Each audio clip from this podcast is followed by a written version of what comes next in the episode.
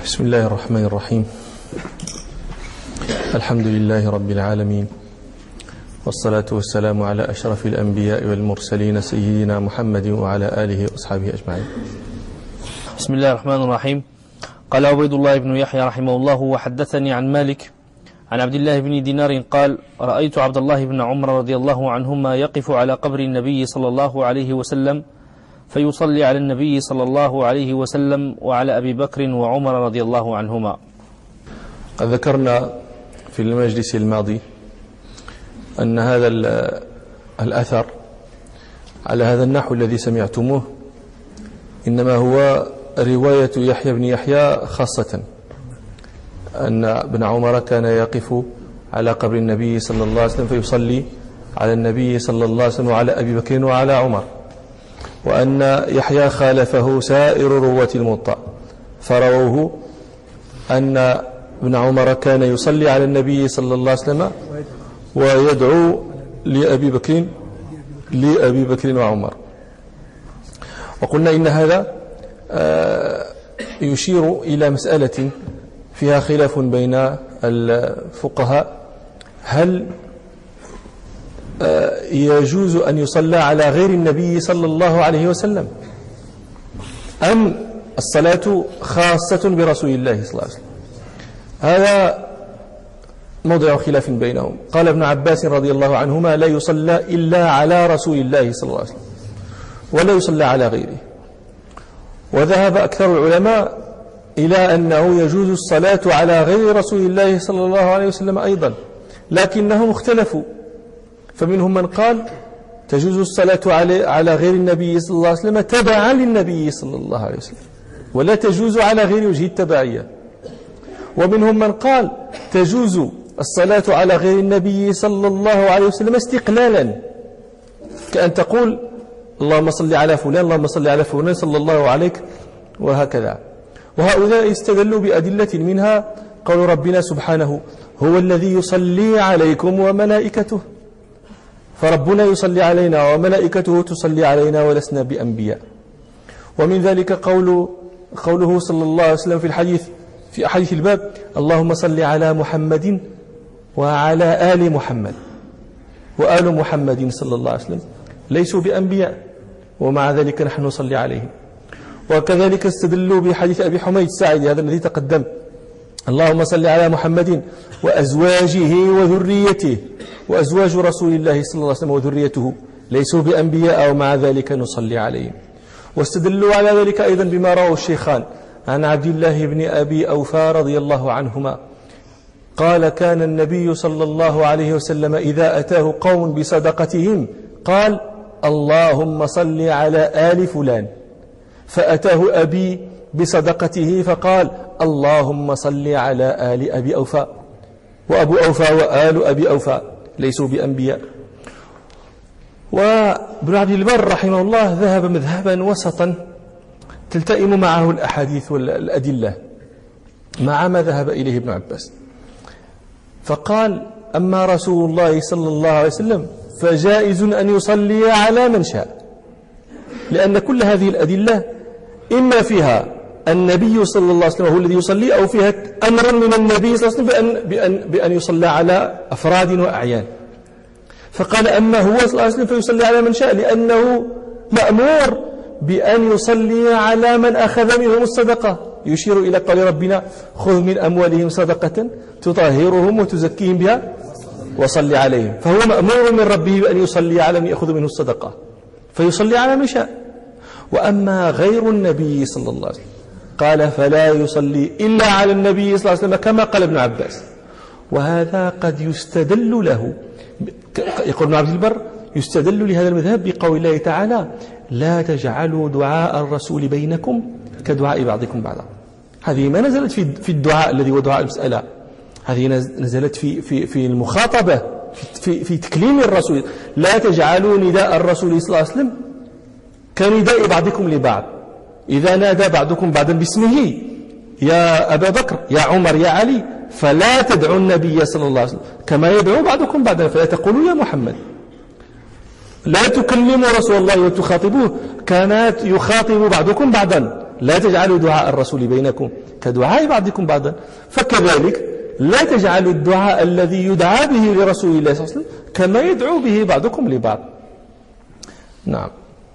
عن عبد الله بن دينار قال رأيت عبد الله بن عمر رضي الله عنهما يقف على قبر النبي صلى الله عليه وسلم فيصلي على النبي صلى الله عليه وسلم وعلى أبي بكر وعمر. نحن قلنا هذا هذا المذهب يرشح له رواية غير يحيى. فيصلي على النبي صلى الله عليه وسلم ويدعو لأبي بكر وعمر. لكن ما ما ما, ما الجواب على رواية يحيى على هذا القول الذي ذكره ابن عبد البر. قد تخرج يخرج هذا الذي ذكره ابن عبد البر وأن المراد يصلي على النبي صلى الله عليه وسلم ويدعو لأبي بكر وعمر هذا قد يخرج على رواية يحيى أيضا. كيف هذا؟ رواية يحيى يصلي على النبي صلى الله عليه وسلم وعلى أبي بكر وعمر.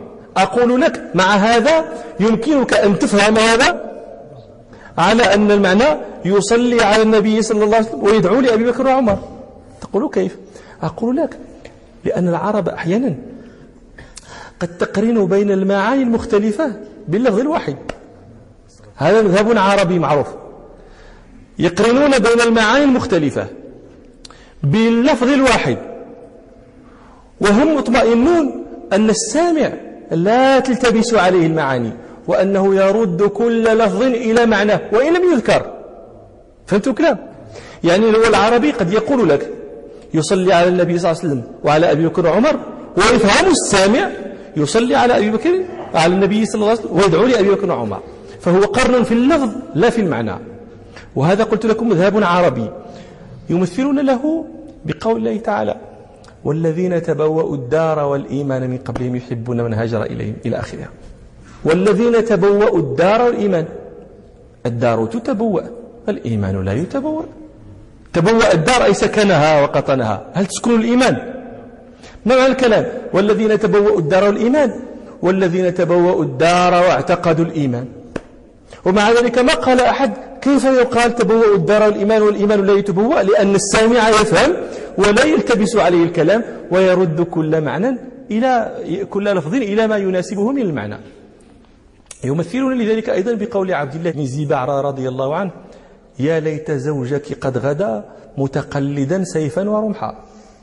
متقلدا سيفا وحاملا رمحا لأن الرمح لا يتقلد الرمح يحمل. ومع ذلك ما, ما قال أحد لابن الزبعرى كيف تقول متقلدا سيفا ورمحا وهذا لا يتقلد مفهوم لأن السامع يفهم. يمثلون له بقول أحدهم يخاطب ناقته يقولها لما وضعت الرحل عنها واردا علفتها تبنا وماء باردا. علفتها تبنا وماء علفتها تبنا فهمناها ولكن هل الماء يعلف؟ معنى الكلام عالفتها تبنا وسقيتها ماء باردا. فماذا فعلوا؟ قارنوا المعاني المختلفة باللفظ الواحد والسامع يرد كل شيء إلى موضعه. قال أحدهم يصف إنسانا بالشره في الأكل والشرب قال شر شراب ألبان يعني شراب. شراب ألبان وتمر وأقيط. تمر يشرب؟ شراب, تل شراب ألبان وتمر. مقصود. شراب ألبان وأكال تمر وأقل قال الراعي النميري. إذا ما الغانيات خرجن يوما إذا ما الغانيات برزن يوما. تعرفون الغانيات؟ هي النسائية. لكن يعني بعض السامعين قد يحسب أن الغانية هي الفاجرة هي الفاسقة. لا الغانية عند العرب هي المرأة الجميلة التي تم جمالها حتى استغنت عن الزينة. استغنت بجمالها عن وضع الزينة. ما احتاجت هي الزينة هذه. إذا ما الغانيات برزن يوما وزججنا الحواجب والعيون. تزجيج الحواجب هذا يعرفه الغانيات ترقيقها. هو طبعا منهي عنه ياك النمسية هو هادشي في الجاهلية وكانوا كنا يتزينن بهذا. قال وزججنا الحواجب والعيون. العيون ترقق ماذا يفعل العيون؟ تكحل مقصود الكلام. إذا ما الغانية برزن يوما وزججنا الحواجب وكحلنا العيون. هذا هذا البيت هكذا يروى في أكثر في كثير من من أمهات الأدب واللغة. إذا ما الغانيات برزن يوما وزججنا الحواجب والعيون. وقيل وقيل الرواية على هذا النحو غلط. وصوابها وهزة نسوة من حي صدق يزججن الحواجب والعيون. وهذا الري وهذه هي رواية الديوان. ديوان الراعي النميري هكذا في الرواية. وهذا الذي ذكره ابن بري في تعليقه على الصحاح. المراد من هذا كله أنه يمكننا أن نحمل رواية يحيى على المعنى الآخر. جمعا بين رواية يحيى ورواية سائر رواة الموطأ. يصلي على النبي صلى الله عليه وسلم ويدعو لأبي بكر وعمر. أما ما يتعلق بهذا الأثر من الفقه المتعلق بالزيارة فهذا سيأتي الكلام عليه في موضعه إن شاء الله. نعم. قال الإمام مالك رحمه الله تعالى باب العمل في جامع الصلاة قال عبيد الله بن يحيى رحمه الله حدثني يحيى عن مالك عن نافع عن ابن عمر رضي الله عنهما أن رسول الله صلى الله عليه وسلم كان يصلي قبل الظهر ركعتين وبعدها ركعتين وبعد المغرب ركعتين في بيته وبعد صلاة العشاء ركعتين وكان لا يصلي بعد الجمعة حتى ينصرف فيركع ركعتين. قال عبيد الله رحمه الله حدثني عن مالك عن نافع توفى سنة سبع عشرة ومئة. عن ابن عمر توفى سنة ثلاث وسبعين ومئة. شكون سكتوا ما رأيتك اليوم قط. نافع مات سنة 117 وابن عمر مات سنة 173 ويروي عنه وتسكتون وتقبلون. سنة 73 نعم.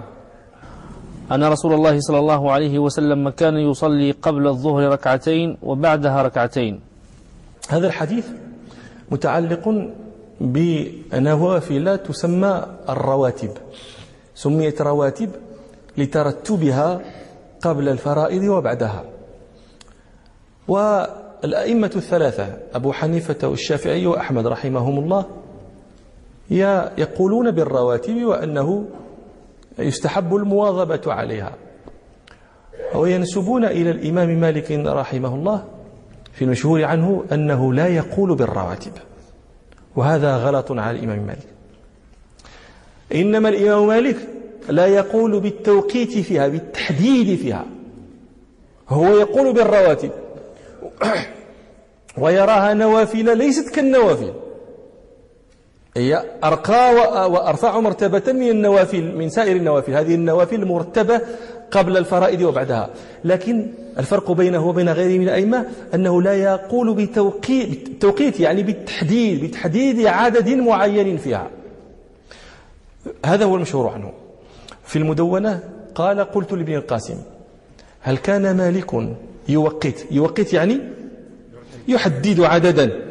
هل كان مالك يوقت قبل الظهر للنوافل ركعات معلومات أو بعد الظهر أو قبل العصر أو بعد المغرب أو فيما بين المغرب والعشاء أو بعد العشاء؟ قال ابن القاسم لا. إنما يوقت في هذا أهل العراق.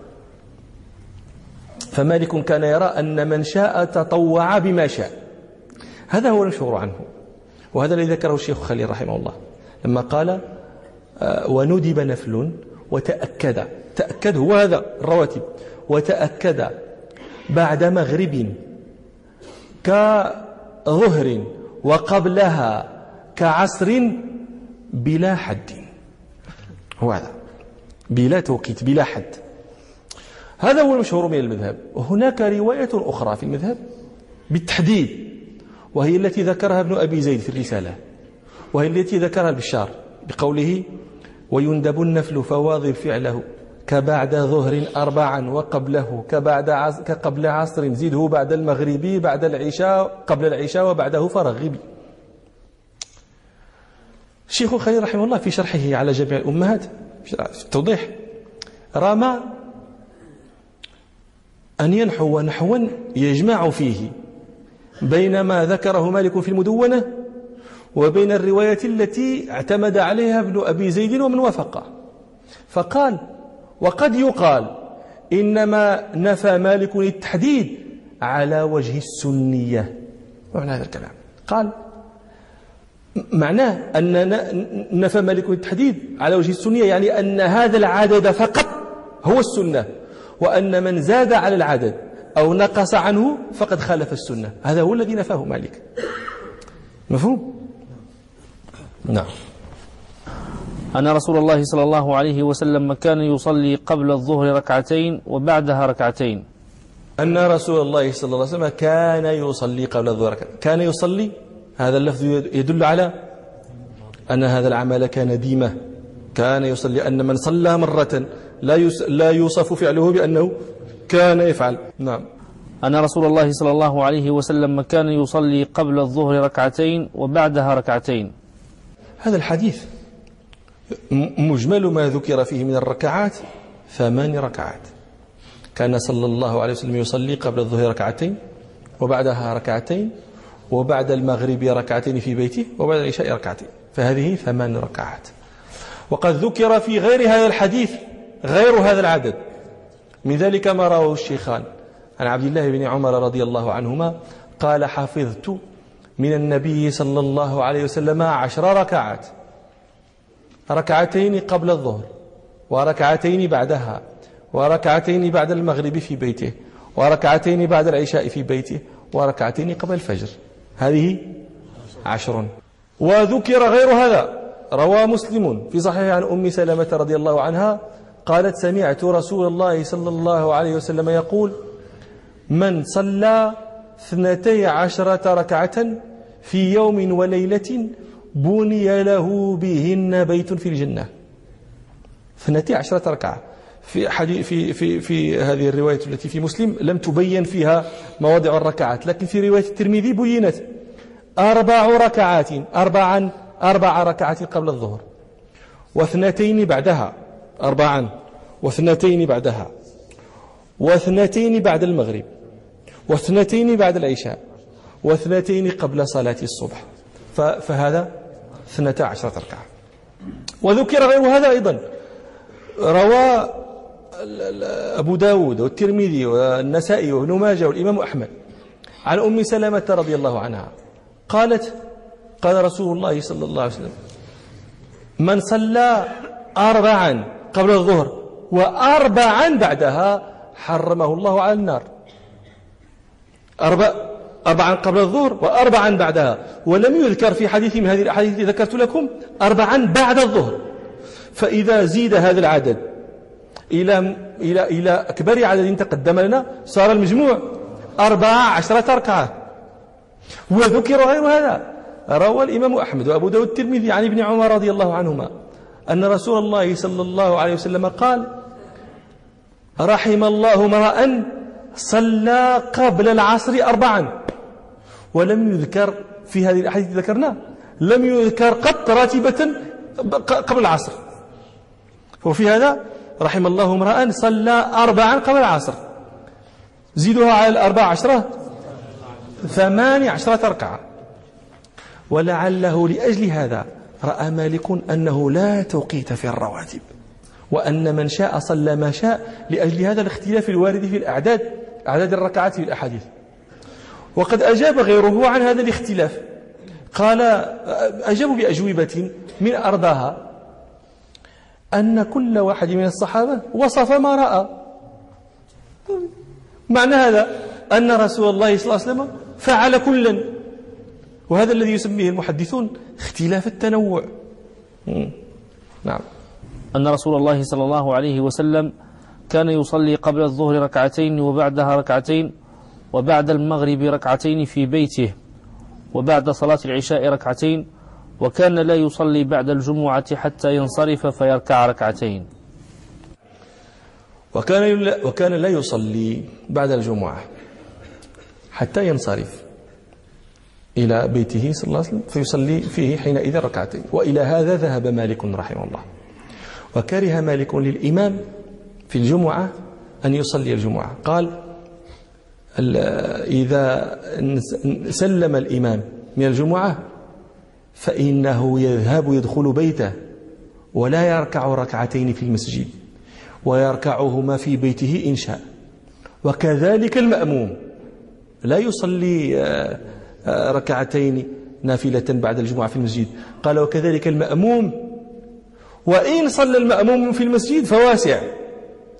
يعني وسع شيئا للمأموم ما لم يوسع للإمام. وإن صلى المأموم في المسجد فواسع والأحب أن لا يفعل. يعني يصلي في بيته. لماذا؟ لماذا؟ أولا اعتمادا على هذا الذي ذكره ابن عمر أن رسول الله صلى الله عليه وسلم كان لا يصلي في بعد الجمعة حتى ينصرف فيصلي في بيته. ثم من جهة النظر قالوا الجمعة بدل من الظهر. ولا والجمعة ركعتان معناه نقص من الظهر ركعتين. نقص من الظهر ركعتان.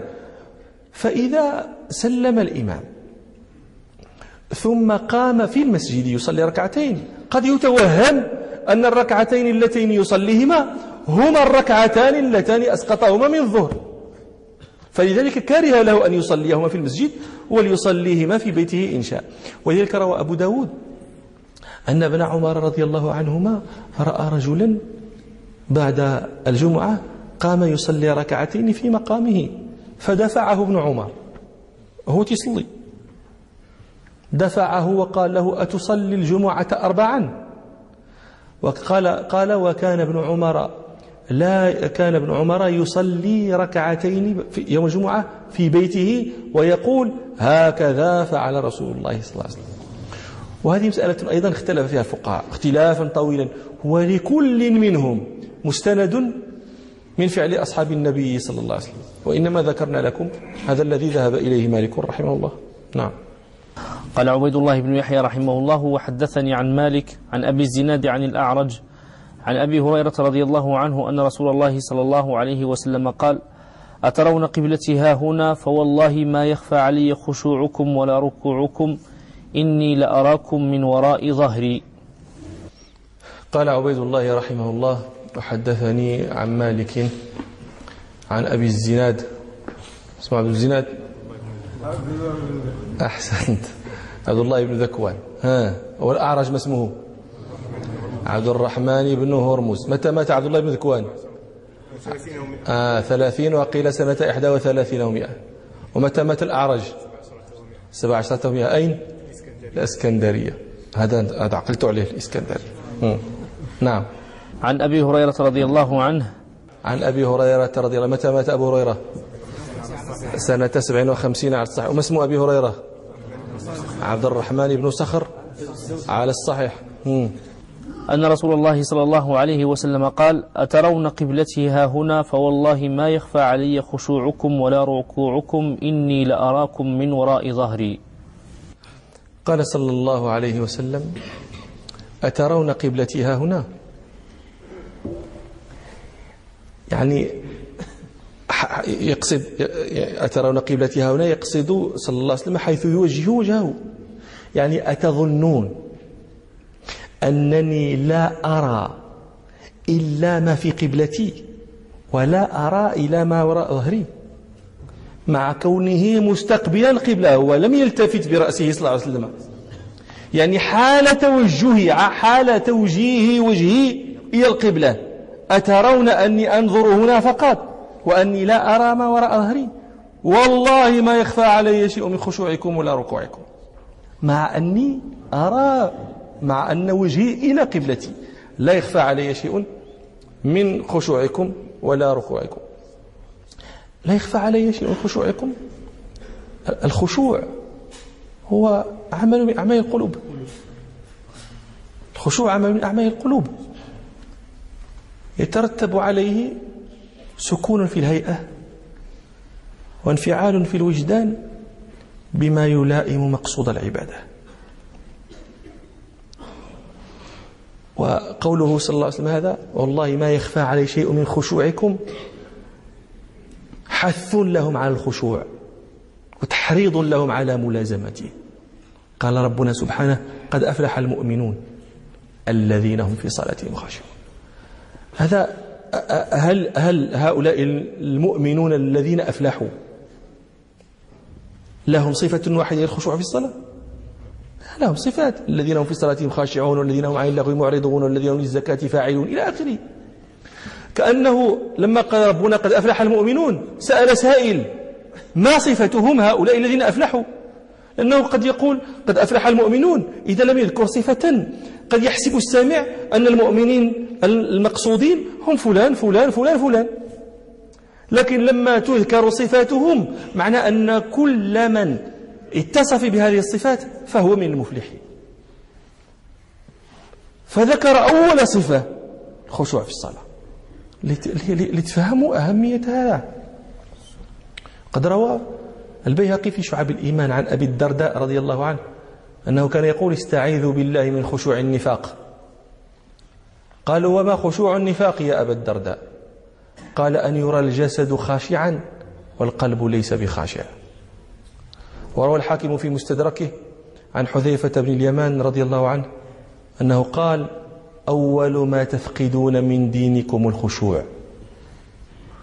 وكان العلماء يقولون الخشوع هو الاستسلام للحكمين. الحكم الديني الشرعي والحكم الديني القدري.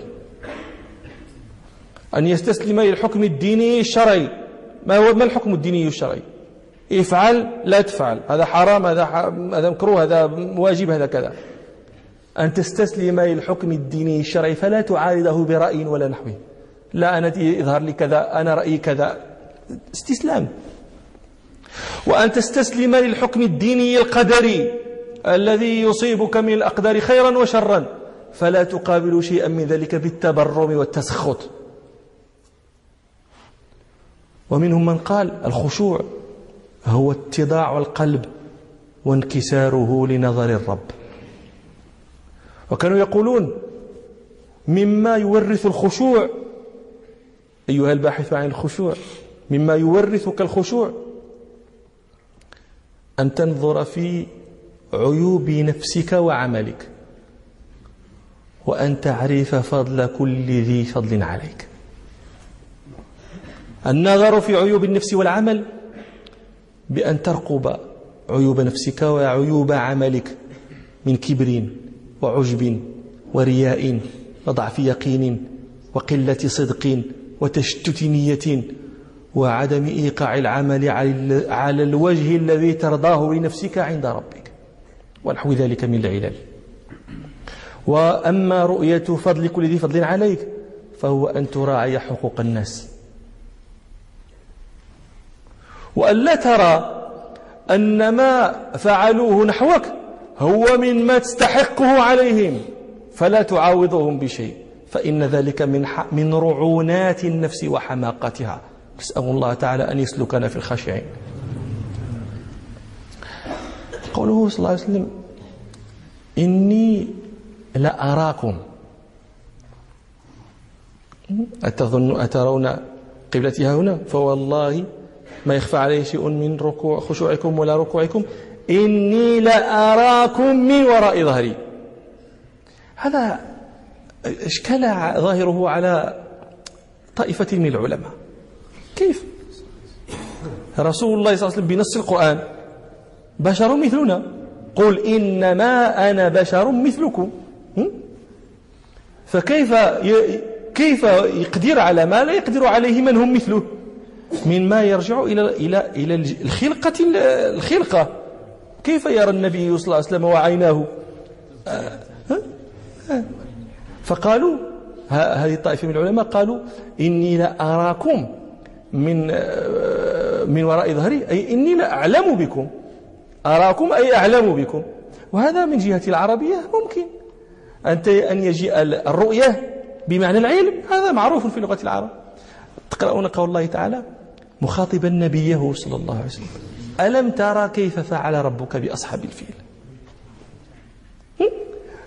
هل النبي صلى الله عليه وسلم رأى ذلك؟ النبي صلى الله عليه وسلم يقال ولد عام الفيل. فكيف يرى ما أوقع الله بأهل الفيل وما أرسل عليه من الطير الأبابيل حتى جعل تلك الحجارة التي من سجين ألم ترى معناه؟ ألم تعلم؟ هذا لا خلاف به ألم ت... وأبيان وأوضح منه. قالوا ربنا سبحانه مخاطبا نبيه صلى الله عليه وسلم. ألم تر إلى الذين خرجوا من ديارهم وهم ألوف حذر الموت؟ فقالهم الله موتوا ثم أحيوا. قطعا والنبي صلى الله عليه وسلم لم يرى هذا لأن هذا كان قبل مولده صلى الله عليه وسلم بدهور ودهور.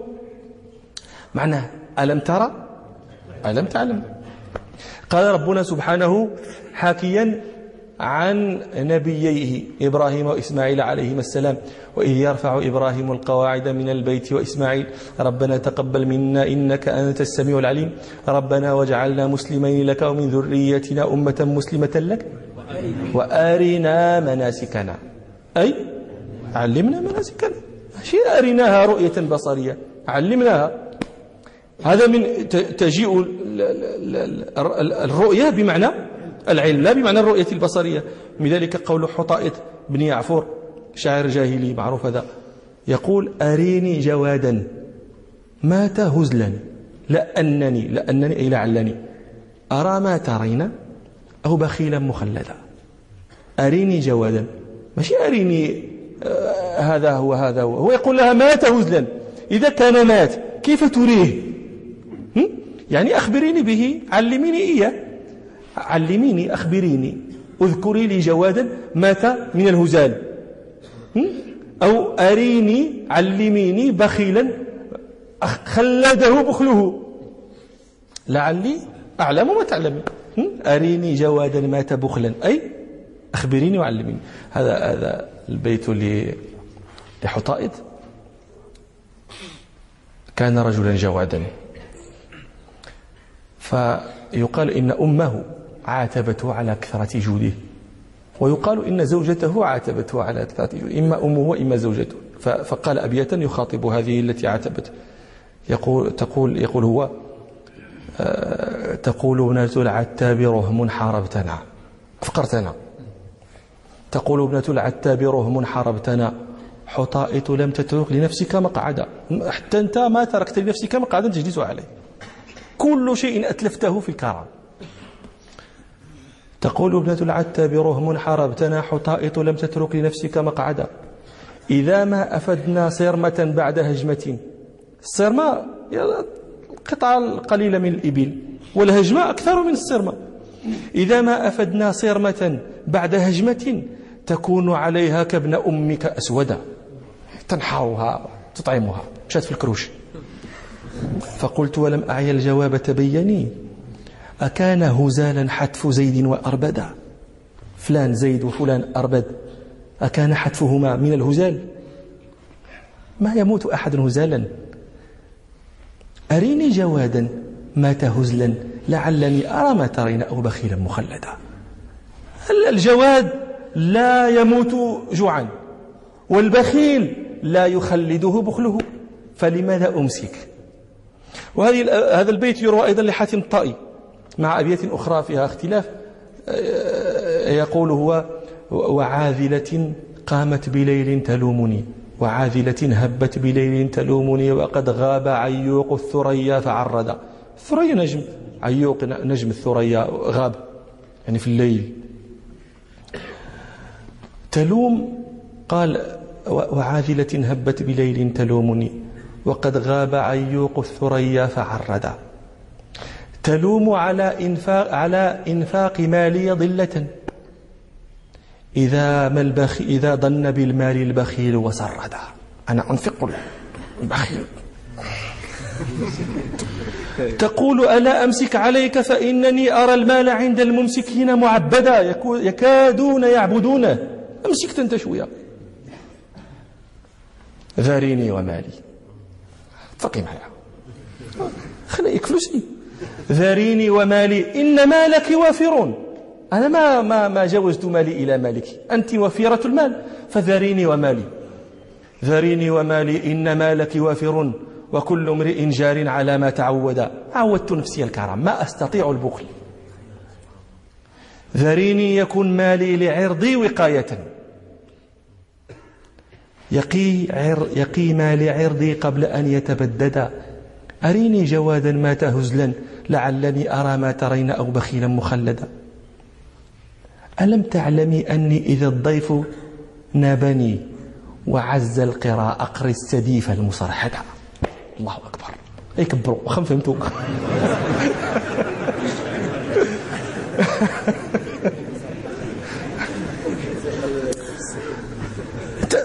يعني هذا شيء هذا شيء هذا شيء لا إله إلا الله.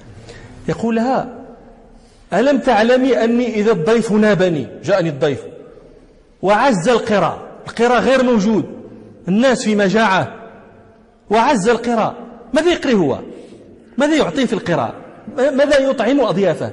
يطعمهم الخبز والزيت يطعمهم الخبز والشاي أقري السديف المصرهدة السديف هو سنام الجمل. وهذا أهل الجمال. يعلمون أنه أطيب شيء في الجمال أو في الناقة. هو هذا لحم السنام. وماشي سنام ليس هو بسنام هزيل إنما هو سنام مسرهد سمين. يعني ينحر الناقة فيأخذ يطعم سنامها. فإذا جاء نابه ضيف آخر نحر له ناقة أخرى ليطعمه السنام. أي كرم من هذا؟ و... يعني لا إله إلا الله. ألم تعلمي أني إذا الضيف نابني وعز القراء أقري السديف المسرهدا؟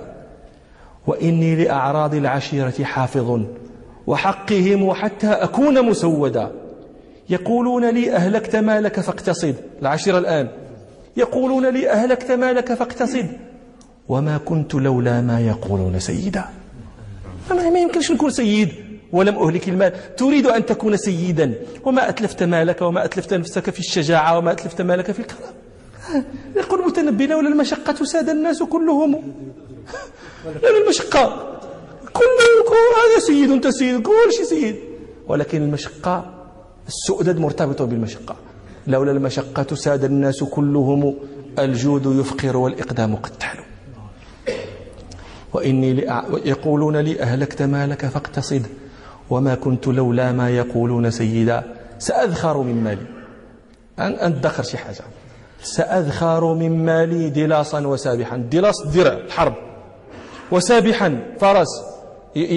من جريه كأنه يسبح سبحا. سأذخر من مالي دلاسا وسابحا وأسمار خطيا الرمح وعضبا مهندا. فقط فذلك يكفيني من المال كله مصونا إذا ما كان عندي مدلدا لماذا ذكرت لكم هذا؟ من شعر حطائط ومن شعر حاتم لتعلموا ما كان عليه أسلافكم. هذا الجاهلية هذا لتفهموا قول الله تعالى الله أعلم حيث يجعل رسالته. لتفهموا قوله صلى الله عليه وسلم إنما بعثت لأتمم مكارم الأخلاق. جاء متمما لها لأن وجد عندهم. قاعدة موجودة فيها مكارم الأخلاق ولتستغربوا كما أستغرب أن مثل هذا يعجز عنه الآن كثير ممن يرجون الله واليوم الآخر. ولا حول ولا قوة إلا بالله. فهذا شواهد لمن قال إن قوله صلى الله عليه وسلم إني لأرى ما وراء ظهري أي لا أعلم وذهب أكثر العلماء. إلى أن قوله صلى الله عليه وسلم إني لأراكم من وراء ظهري أنها الرؤية البصرية. وما القرينة على هذا؟ قالوا في الحديث في كلامه صلى الله عليه وسلم قرينة تدل على أن قوله إني لأراكم لا يراد به إني لأعلم بكم وإنما يراد به إني لأراكم رأي العين الرؤية البصرية. ما هي القرينة؟ هي قوله صلى الله عليه وسلم هي قوله صلى الله عليه وسلم من وراء ظهري. لأنه لو كان الرؤية هنا بمعنى العلم لأي شيء صلى الله عليه وسلم يقول من وراء ظهري لإني لا أعلم بكم من وراء علمه, علمه بمن وراء ظهره كعلمه بمن بين يديه. لا فرق لأنه علم معرفة يكون بإخبار. أما الرؤية فهذا هو الذي لا يكون. لما كانت الرؤيا لا تتأتى في العادة إلا, لمن ك... إلا إلى من كان أمام الرأي. أو كان بين جن... عن... عن جنبيه لأنه قد ترى أنا الآن أرى أراكم أمامي. وكذلك أرى شيئا من هؤلاء الذين عن يميني وعن شمالي. ولكن لا يتأتى في العادة أن يرى الإنسان ما وراء ظهري فلما قال هو إني لا أراكم من وراء ظهري هذه قرينة دلت على أن الرؤية بصرية وأن هذا شيء خرقت فيه العادة لرسول الله صلى الله عليه وسلم. أعجزة أوتيها صلى الله عليه وسلم وخاصية اختص بها هو صلى الله عليه وسلم. وأنه يرى من وراء ظهره من وراء ظهره كما كما أنه صلى الله عليه وسلم يرى الذين بين يديه. وهذا الذي ذكرناه. جاء صريحا في رواية عند مسلم هذا الحديث. حديث أبي هريرة عند مسلم. أنه صلى أن أبا هريرة رضي الله عنه قال صلى بنا رسول الله صلى الله عليه وسلم. فلما انصرف قال يا فلان ألا تحسن تصلي أو كما قال صلى الله عليه وسلم؟ ألا يرى امرؤ إذا صلى كيف يصلي؟ فإنما يصلي لنفسه. والله إني لأبصر. هذا إبصار هذا والله إني لأبصر. من وراء ظهري كما أبصر. من بين يدي. وفي رواية عند الإمام أحمد وإني والذي نفس محمد بيده إني لأنظر. إلى ما وراء ظهري كما أنظر إلى ما بين يدي إلى من بين يدي. فهذا صريح في أن أن المقصود الرؤية البصرية وليس الرؤية العلم وإن كان ذلك تحتمله العربية. ولكن هذه قرينة تدل على ما ذهب إليه الجمهور. ابن عبد البر رحمه الله قال أورد هنا إرادة قال قالت طائفة من أهل الزيغ كيف تقبلون هذا الحديث؟ وأنتم ترون ضده. تقبلون هذا الحديث وأنتم ترون ضده. وفي بيان هذا الضد الذي يروى و يعني إيراد قول أهل الزيغ هؤلاء الذين ذكرهم ابن عبد البر وتوجيه أقوالهم وكذا طول. نرجيه إن شاء الله إلى مجلس آخر. سبحانك اللهم وبحمدك أشهد أن لا إله إلا أنت أستغفرك وأتوب إليك والحمد لله رب العالمين.